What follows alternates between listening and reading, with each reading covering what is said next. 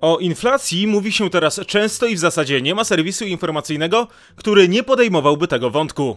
Ceny produktów w sklepach rosną w tempie nienotowanym w naszym kraju od dawna. Jednak dla Polski procesy inflacyjne nie są czymś nowym. W tym odcinku serii po wojnie postanowiłem sprawdzić, jak wyglądało to w czasach Polski Ludowej. Skupię się na pierwszych 10 latach po wojnie oraz przełomie lat 70. i 80., gdy inflacja była najwyższa.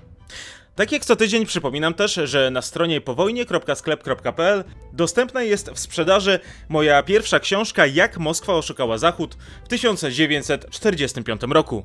Od osób, które już ją zakupiły, otrzymuję mnóstwo informacji i pozytywnych opinii, za co bardzo dziękuję. A teraz zapraszam na najnowszy odcinek serii Po wojnie.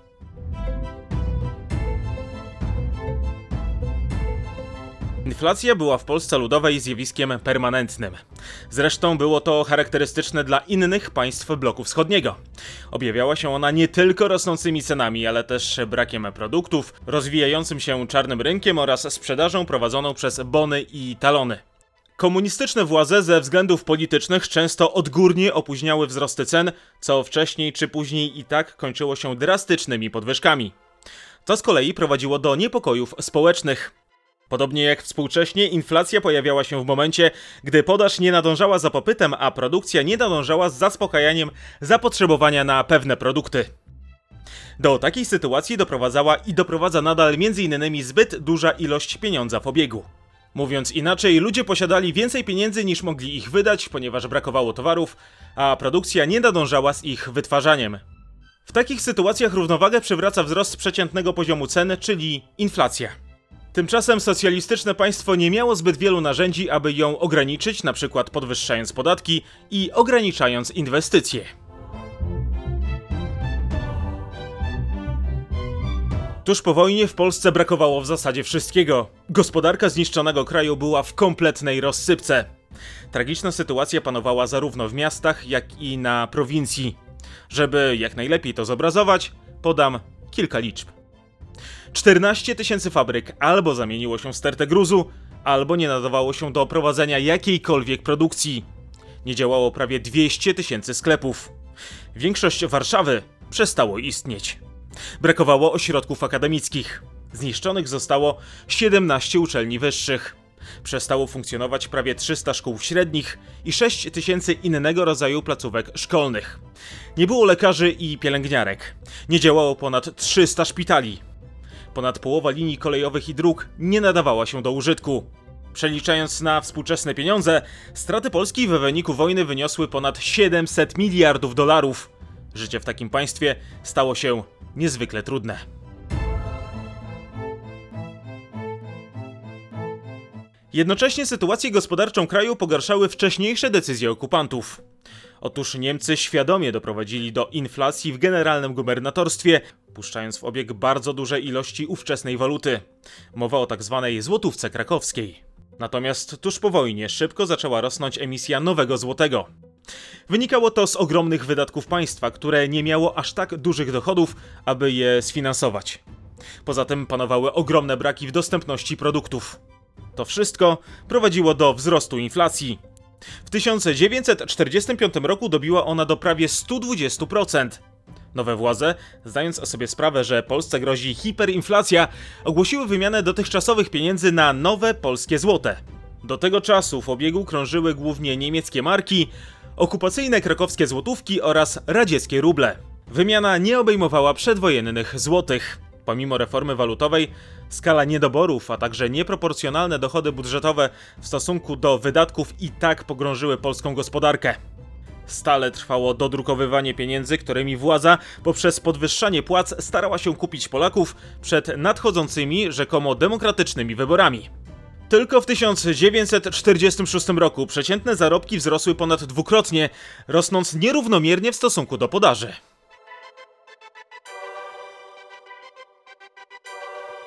Mimo wszystko ceny w sektorze państwowym, handlu reglamentowanym oraz obrotach z rolnikami były stabilne. Było tak, ponieważ wyznaczały je organy państwowe. W pozostałych sektorach regulowane były one pośrednio. To sprawiało, że wartość towarów była odgórnie obniżana. Inflacja objawiała się więc w inny sposób. Bardzo szybko zaczęło brakować produktów, dlatego niektóre z nich zaczęły być reglamentowane. Przed sklepami pojawiły się długie kolejki, rozwijał się czarny rynek, a także coraz powszechniejsze stało się łapówkarstwo. Ceny ruszyły w górę dopiero pod koniec 1946 roku. Inflację pogłębiły wydatki związane z rozpoczęciem planu trzyletniego, zakładającego podniesienie stopy życiowej ludności. Polska zamieniła się w ogromny plac budowy. W tym czasie o ponad 50% wzrosła emisja pieniądza. Gwałtownie rosła też płaca nominalna. Równocześnie ceny części produktów konsumpcyjnych wzrosły nawet o 40%. Komuniści, szukając kozła ofiarnego, twierdzili, że to efekty działalności spekulantów oraz tzw. Tak prywaciarzy. Dlatego już wiosną 1947 roku rozpoczęli tzw. Tak bitwę o handel, w efekcie której ceny detaliczne znalazły się pod kontrolą administracji centralnej. Już w kolejnym roku. Tak ceny wolnorynkowe zaczęły przypominać państwowe, wzrastając zaledwie o 3%. Sytuacja gospodarcza kraju na chwilę została ustabilizowana.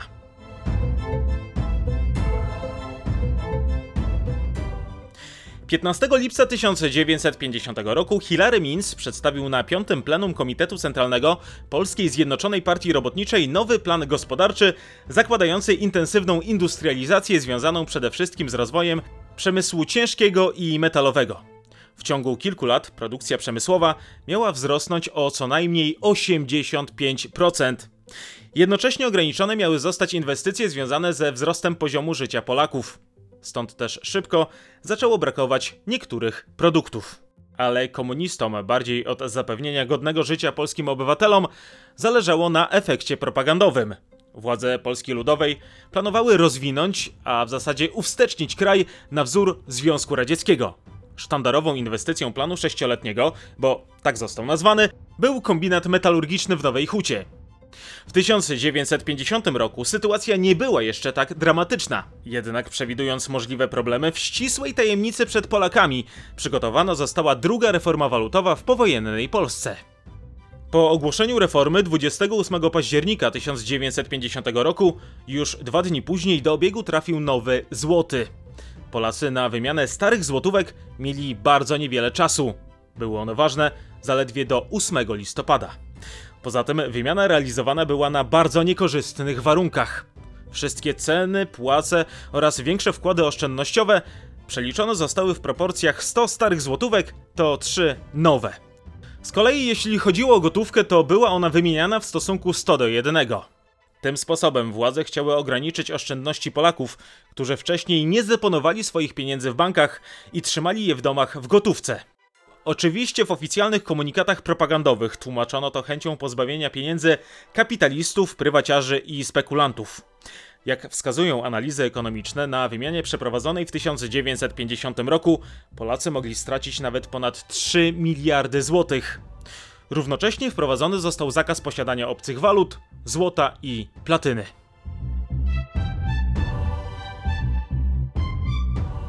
Efekt antyinflacyjny okazał się krótkotrwały. Tym bardziej, że w związku z wybuchem wojny w Korei wzrosły nakłady na inwestycje w sektorze zbrojeniowym. To z kolei wpłynęło na ograniczenie wydatków na rozwój przemysłu konsumpcyjnego oraz rolnictwa. Narzucona chłopstwu i realizowana bez odpowiedniego przygotowania gospodarczego, a także społecznego kolektywizacja była powodem gwałtownego spadku produkcji rolnej. Tym sposobem zaczęło brakować towarów. Kiedy Polacy nie mieli co jeść, państwo dozbrajało wojsko, a wydatki na armię wzrosły w ciągu 3 lat o 700%. Aby zapanować nad sytuacją, w 1951 roku wprowadzone zostały kartki na niektóre produkty. Jednocześnie, mimo przeprowadzonej reformy walutowej, Polacy nadal zamiast w bankach woleli trzymać swoje oszczędności we własnych domach, a to sprawiało, że w obiegu stale było sporo gotówki. Tymczasem już w 1950 roku cena mięsa wzrosła o około 30%. O 40% wzrosły ceny za usługi komunikacyjne, pocztowe, bilety do kin, a także alkohol. W ciągu trzech następnych lat drastycznie podrożały w zasadzie wszystkie artykuły. Niektóre nawet o 100%. Więcej trzeba było płacić za gaz oraz energię elektryczną. Choć rosły płace, to ich wzrost nie był proporcjonalny do wzrostu cen. Aby zdusić niepokoje społeczne, wprowadzone zostały dodatkowe zasiłki rodzinne.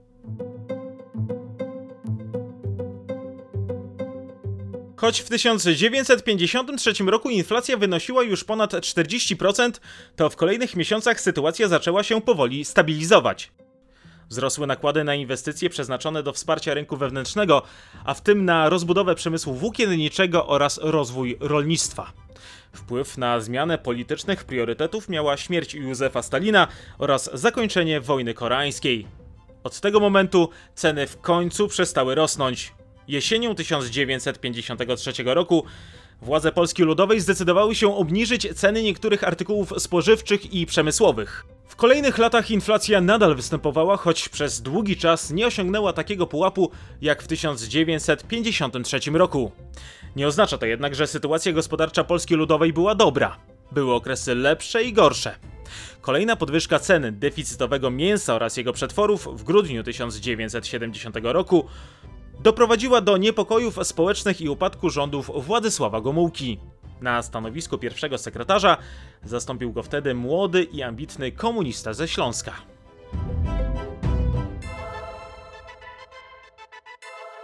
Pierwsze lata rządów Edwarda Gierka stanowiły odskocznie od tego, co było wcześniej. Na ulicach miast pojawiło się więcej samochodów, a w domach telewizorów i lodówek. Ludzie zaczęli więcej podróżować. W sklepach na półkach stała Coca-Cola oraz Pepsi. Równolegle realizowana była propaganda sukcesu. Prorządowe media stale informowały o nowych inwestycjach i udanych przedsięwzięciach. Niespecjalnie przejmowano się faktem, że Polska Ludowa rozbudowywała swoją gospodarkę za pożyczone na zachodzie dolary.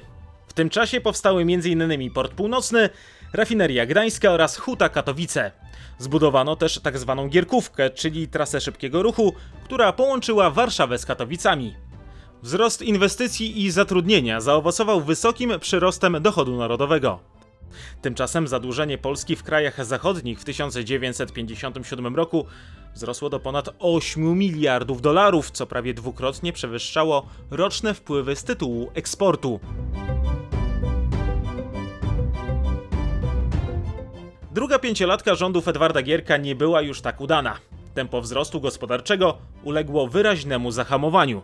Choć w ciągu dekady liczba posiadanych przez Polaków aut wzrosła prawie pięciokrotnie, a patrząc pod kątem dostępności do telewizji, Polska była wtedy na poziomie Hiszpanii oraz Austrii, to polska gospodarka zdecydowanie zmierzała w bardzo złym kierunku.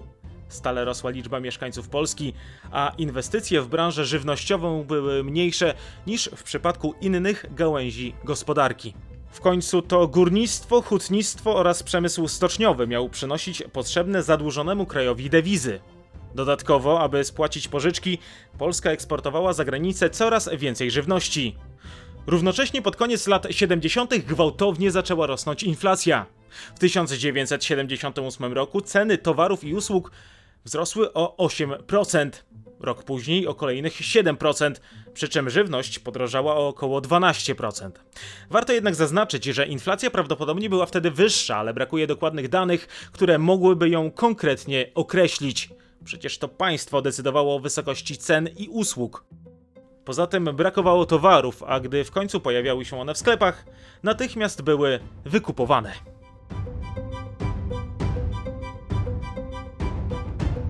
Obsługa długu zaprowadziła PRL na skraj bankructwa. Coraz mocniej państwo było uzależnione od importu surowców z zagranicy. Chcąc ratować sytuację, komunistyczne władze zaczęły dodrukowywać pieniądze, co z kolei prowadziło do podwyżek cen. Narastająca społeczna frustracja, karykaturalna propaganda głosząca kolejne sukcesy, podczas gdy w kraju działo się coraz gorzej, a także pogłębiające się kłopoty ekonomiczne w końcu sprawiły, że Edward Gierek musiał ustąpić ze stanowiska. Zmiana usteru rządów nie poprawiła jednak sytuacji w Polsce. Inflacja stale przyspieszała, jednym z powodów takiego stanu rzeczy były podwyżki płac wywalczone przez robotników w sierpniu 1980 roku. W ciągu roku wynagrodzenia wzrosły o prawie 30%. Ponownie w obiegu znalazło się więcej gotówki, podczas gdy na rynku stale brakowało potrzebnych artykułów. Jak duży miało to wpływ na wysokość inflacji, niech świadczy fakt, że o ile w 1980 roku wynosiła ona prawie 10%, to już w kolejnym roku była ponad dwukrotnie wyższa, osiągając pułap 21%. 1981 roku generał Jaruzelski wstrzymał spłatę zagranicznego zadłużenia, przez co wzrosło ono do 42 miliardów dolarów. Poza tym wprowadzenie stanu wojennego doprowadziło do drastycznego skurczenia się gospodarki. Poziomo polskiego PKB był niższy niż na przykład na Dominikanie oraz w Paragwaju. W Europie biedniej żyło się jedynie w Albanii oraz Turcji. Na początku 1982 roku rząd Jaruzelskiego podjął próbę urealnienia cen, co przyniosło spadek realnych dochodów niemal z dnia na dzień o około 1 trzecią. Równocześnie inflacja osiągnęła rekordowy pułap 100%, a żywność podrożała o ponad 130%. W sklepach brakowało podstawowych produktów. W porównaniu do poprzedniej dekady dostępne było dużo mniej mięsa, mąki, ziemniaków oraz odzieży i obuwia. Jednocześnie problem dotyczył też innych artykułów. I choć w obiegu społecznym była gotówka, bo w ciągu 4 lat dochody wzrosły o 170%, to nie było towarów, które konsumenci chcieli za nią kupić. Dodatkowo swoje piętno odcisnęły wprowadzone przez Stany Zjednoczone sankcje gospodarcze. Tymczasem aż 70% przemysłu Polski Ludowej było wtedy uzależnione od materiałów i surowców z zachodu. Szczególnie dotkliwe okazały się ograniczenia w zakresie eksportu pasz do naszego kraju.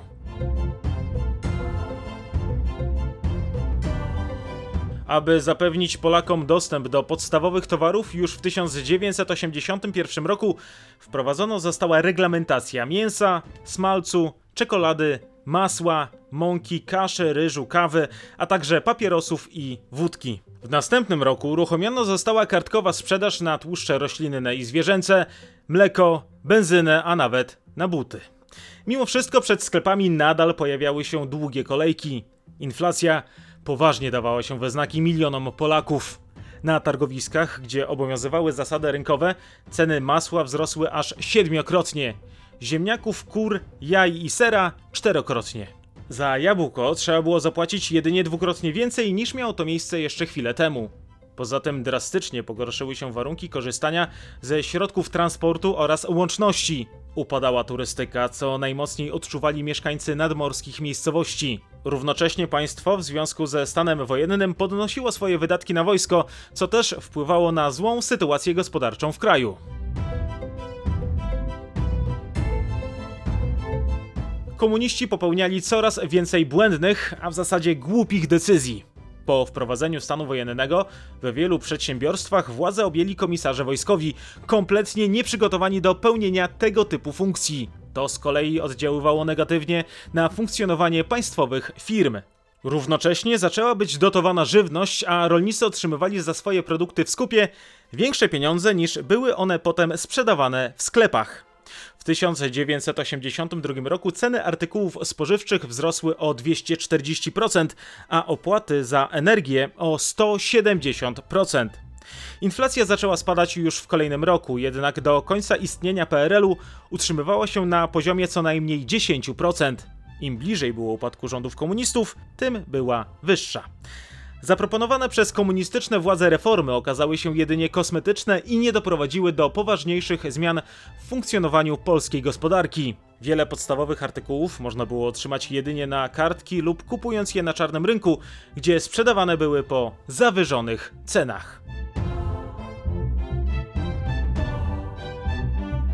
1988 roku inflacja wynosiła aż 60%. Inflacyjne szaleństwo osiągnęło swoje apogeum w grudniu 1989 roku, gdy wzrosła ona do 640%. Mimo wszystko w ciągu dwóch lat zaczęła ona gwałtownie spadać, a poziom PKB przypominał ten z drugiej połowy lat 70. Jak było to możliwe i w jaki sposób wolna Polska zaczęła dźwigać się z kryzysu gospodarczego, to temat na osobny odcinek serii po wojnie. Ja tymczasem dziękuję za uwagę, zachęcam do subskrybowania kanału i zakupu mojej książki na stronie powojnie.sklep.pl. Do usłyszenia.